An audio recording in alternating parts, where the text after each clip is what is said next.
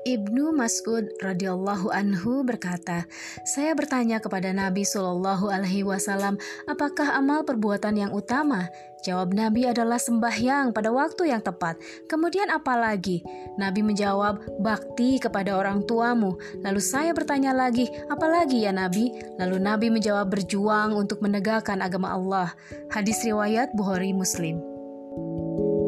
thank you